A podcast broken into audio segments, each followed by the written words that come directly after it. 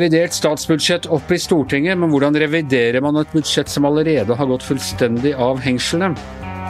Og koronaviruset er på innsiden av Det hvite hus. Hvordan i all verden skal dette gå? Dette er Giæver og gjengen. Det er mandag den 11. mai.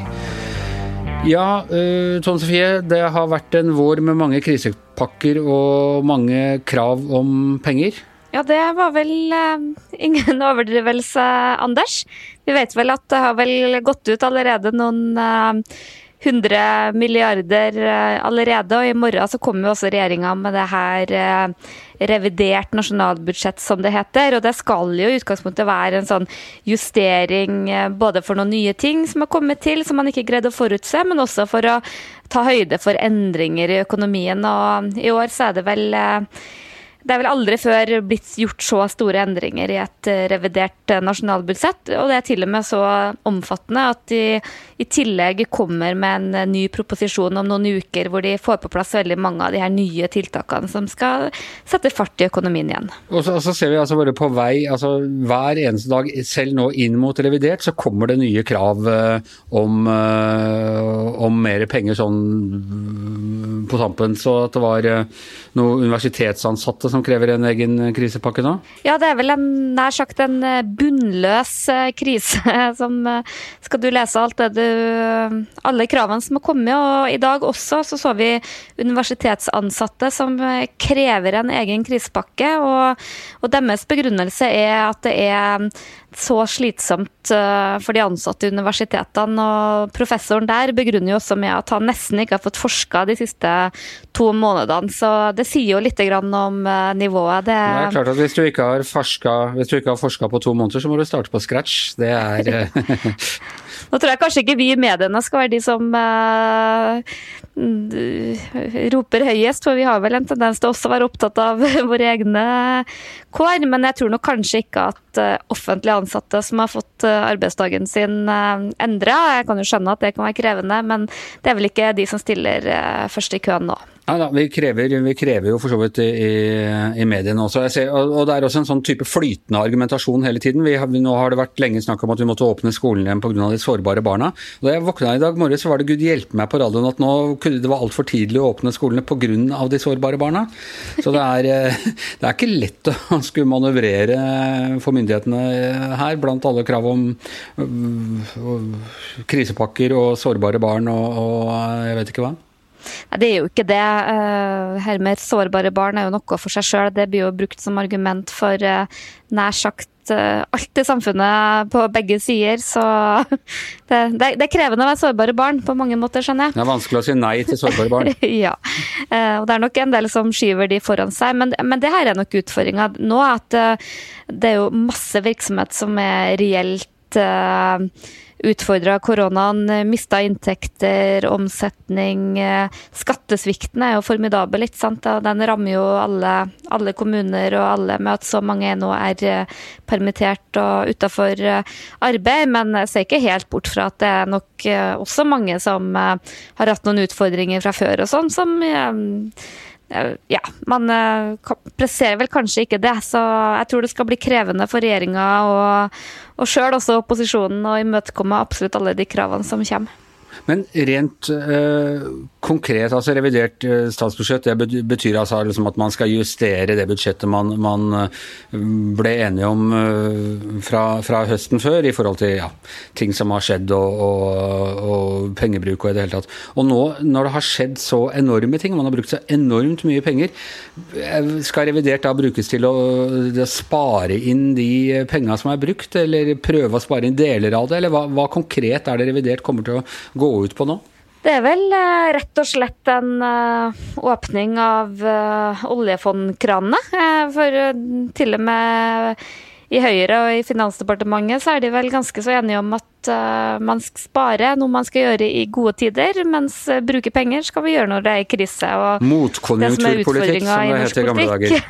Mot Keynes, ja. Og utfordringa er jo at og det er jo noe mange aviser har eh, kritisert politikerne for, er jo at man har jo kanskje ikke vært så dyktige til å spare og prioritere i de her gode tidene. Og man har jo lenge sagt at nå har tida kommet for at vi må prioritere sterkere. Og, for det er jo ikke sånn at fordi Norge har oljefondet, så, så er jo ikke det en Det er jo neste generasjons sparepenger som vi nå bruker kraftig av, samtidig som verdien av de selvfølgelig også nå har falt. Men det gjør det nok lettere for Norge. og det her kommer til å bli dyrt, men jeg tror det er bred politisk enighet om at man nå skal bruke penger, så det kommer nok ikke noe sånn innsparingstiltak eh, nå. Det kommer garantert penger til helse, til Nav, utdanning, nye studieplasser og noen ting. Det er jo allerede gått ut eh, flere hundre milliarder til ulike krisepakker, kommuner eh, lånegarantier som, som, vi er kjent med. Og så vet vi at liksom den store gjenåpninga av Norge setter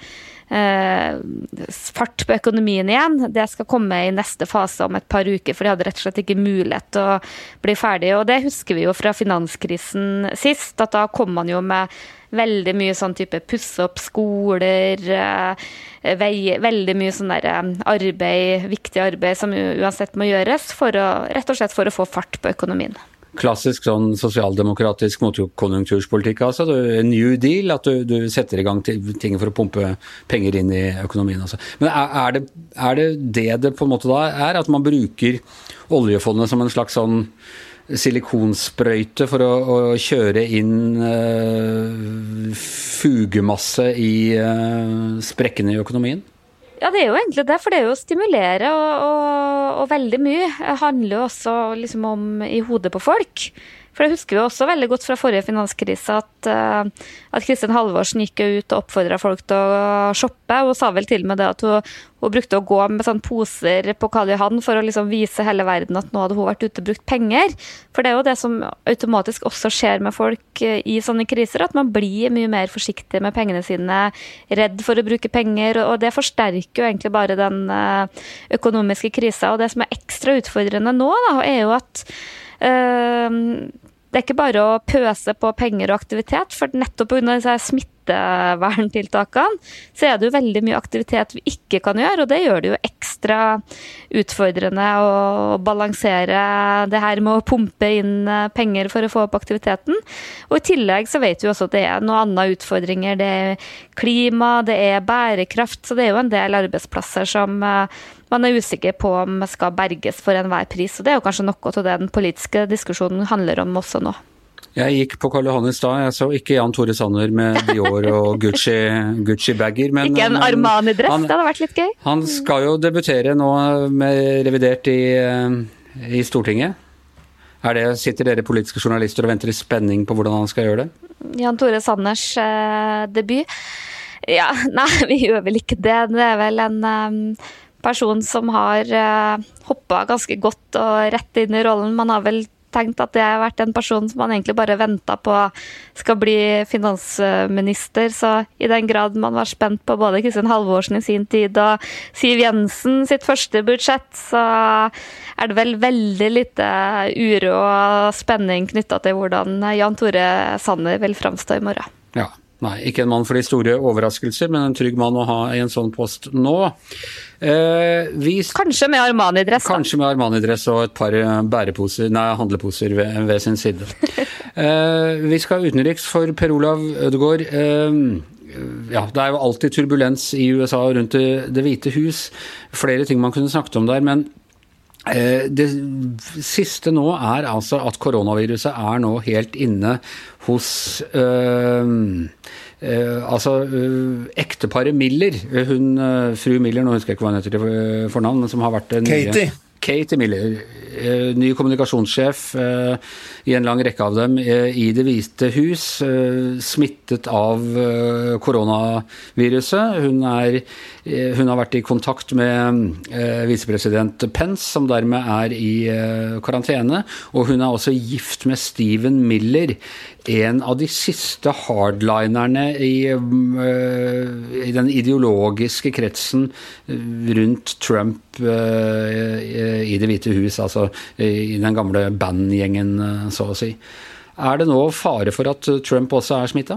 Ja, altså du, nevnte, du kunne jo nevnt enda en. Det er jo en av, militære, en av disse militærstaben der i Det hvite hus som også er smittet, som har nær Servert Trump mat og greier? er Ja, ja. ja, nær kontakt med, med presidenten.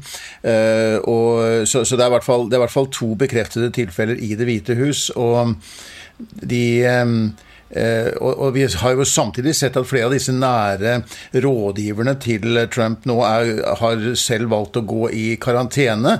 Det er jo bl.a. denne Anthony Fauci, som, Fauci, som er smitteverneksperten. Det er, han, det er, også han direktøren i folkehelse der borte, Robert Redfield, og Stephen Hahn, som er sånn mat, tilsvarende Mattilsynet. Disse har jo også gått i karantene. Og eh, du, du vet man vet jo uh, enten man har vært i Det hvite hus eller man har sett på serier fra Det hvite hus, at de jobber veldig tett på hverandre i The West Wing og andre steder i tilknytning der. Og, og det er klart at sånn som nå smitten brer seg i USA vi, Det er jo nå passerer de altså straks eller Det er nær 80 000 døde. 1,3 millioner smittede i det landet. og om New York var hardest rammet i begynnelsen, så har det definitivt kommet til Washington DC nå. Og det er jo veldig spesielt da, i en situasjon hvor Trump eh, maner til at nå må landet åpne igjen. Ja. Og det er også uh, mye av debatten der borte, så jeg går jo på altså de, Det har vi jo ikke kjørt så mye her, men der har de kjørt hardere på. Eh, helt fra 3. april så begynte vel Trump og, og hele denne uh, antikorona taskforcen å si at man skulle bruke ansiktsmasker. Og nå kjøres det veldig på at han selv ikke bruker ansiktsmasker. Uh, I helgen så delte han ut medaljer til noen veteraner fra annen verdenskrig. Den yngste var 96 år, tror jeg. Og da gikk han forbi hele denne gjengen uten noe, noe ansiktsmaske og, og uh, gratulerte dem. Og var etterpå litt fornærmet fordi alle hadde bekymret seg for disse noen og 90-åringene, og ingen hadde bekymret seg for han. At han også kunne bli smittet. Men eh, vi, kommer vi til å regne med å måtte se nå eh, selv Trump og, og resten av toppene med ansiktsmaske i tiden fremover, tror du? Det har jo vært, Vi har sett karikaturtegninger fra USA hvor ansiktsmasken er plassert over øynene på, på Trump. Men, men, jeg tror det sitter ganske langt inne for både han og, og også Mike Pence har jo vært på sykehus og besøkt steder hvor det er påbudt å bruke ansiktsmaske, og hvor han har vært den eneste i rommet som ikke har båret det. Eh, åpenbart fordi at sjefen har sagt at dette skal ikke vi gjøre. Og Trump har jo sagt at jeg kan jo ikke være i Det hvite hus og ta imot dronninger og konger og presidenter og være iført en en ansiktsmaske. Nå er det ingen av disse som kommer slik situasjonen er i dag, så det er jo ikke noe spesielt godt argument for å la være å gjøre det. Men eh, jeg tror det sitter veldig langt inne for presidenten. Men at, at, at, smitten på en måte har kommet inn i Det hvite hus, at den også har kommet inn i i kongressbygningen. Altså Nå skal jo de ha uh, høringer i Senatet denne uken. Fauci skal jo da vitne for uh, Senatet i morgen. og det er jo da for en høring, Der skulle da denne republikaneren, uh, senator Lamar, Lamar, Alexander, skulle lede denne høringen. Men han er også satt i karantene fordi en medarbeider er syk. Så han må lede møtet på video. Og også Fauci heller, vil heller ikke møte for, fordi at han er også i karantene og må da også gjøre det via video. Men senatorene for øvrig skal jo da etter planen møtes. Det også er omstridt om det egentlig er fornuftig at de nå møtes i, i, i, Senatet. Ja, Situasjonen i USA er i det hele tatt veldig mye mer alvorlig enn enn i de fleste land som, som vi nå eh, står nær. Men dette var jo et altså, eh, Trump var, var, jo allment kjent som en sånn germofob, og han var redd for bakterier. og Det ble sagt at det kunne være et problem i 2016 at han ikke ville håndhilse på folk. Men han var utrolig standhaftig. Både han og Pence håndhilste på folk til langt inn i denne koronaepidemien, og nå har de altså motsatt seg å bruke munnbind. Det er litt bakvendt i forhold til eh, hvis man virkelig er eh, redd for smitte, og det, og det gir et veldig rart signal uh, utad når man samtidig maner til at resten av USA bør gjøre dette?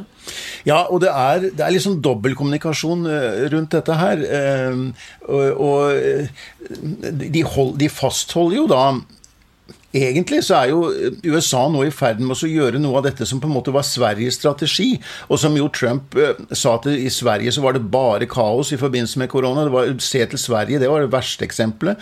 Men egentlig så er det jo det de nå er i ferd med å, å etterligne, fordi han er så opptatt av nå å, å få økonomien i gang igjen. Det er jo ikke så merkelig når du ser på disse forferdelige økonomiske tallene som kommer fra USA nå, med en arbeidsledighet som de ikke har sett siden eh, de harde 30-tallet, eh, og, og, og, en utrolig fall i produksjon eh, og økonomisk aktivitet, så skjønner man jo det. Men samtidig så skal man da nå overlate det til folk, da, og, og på en måte vise eh, Ta selv ansvar og holde avstand og gjøre disse tingene her.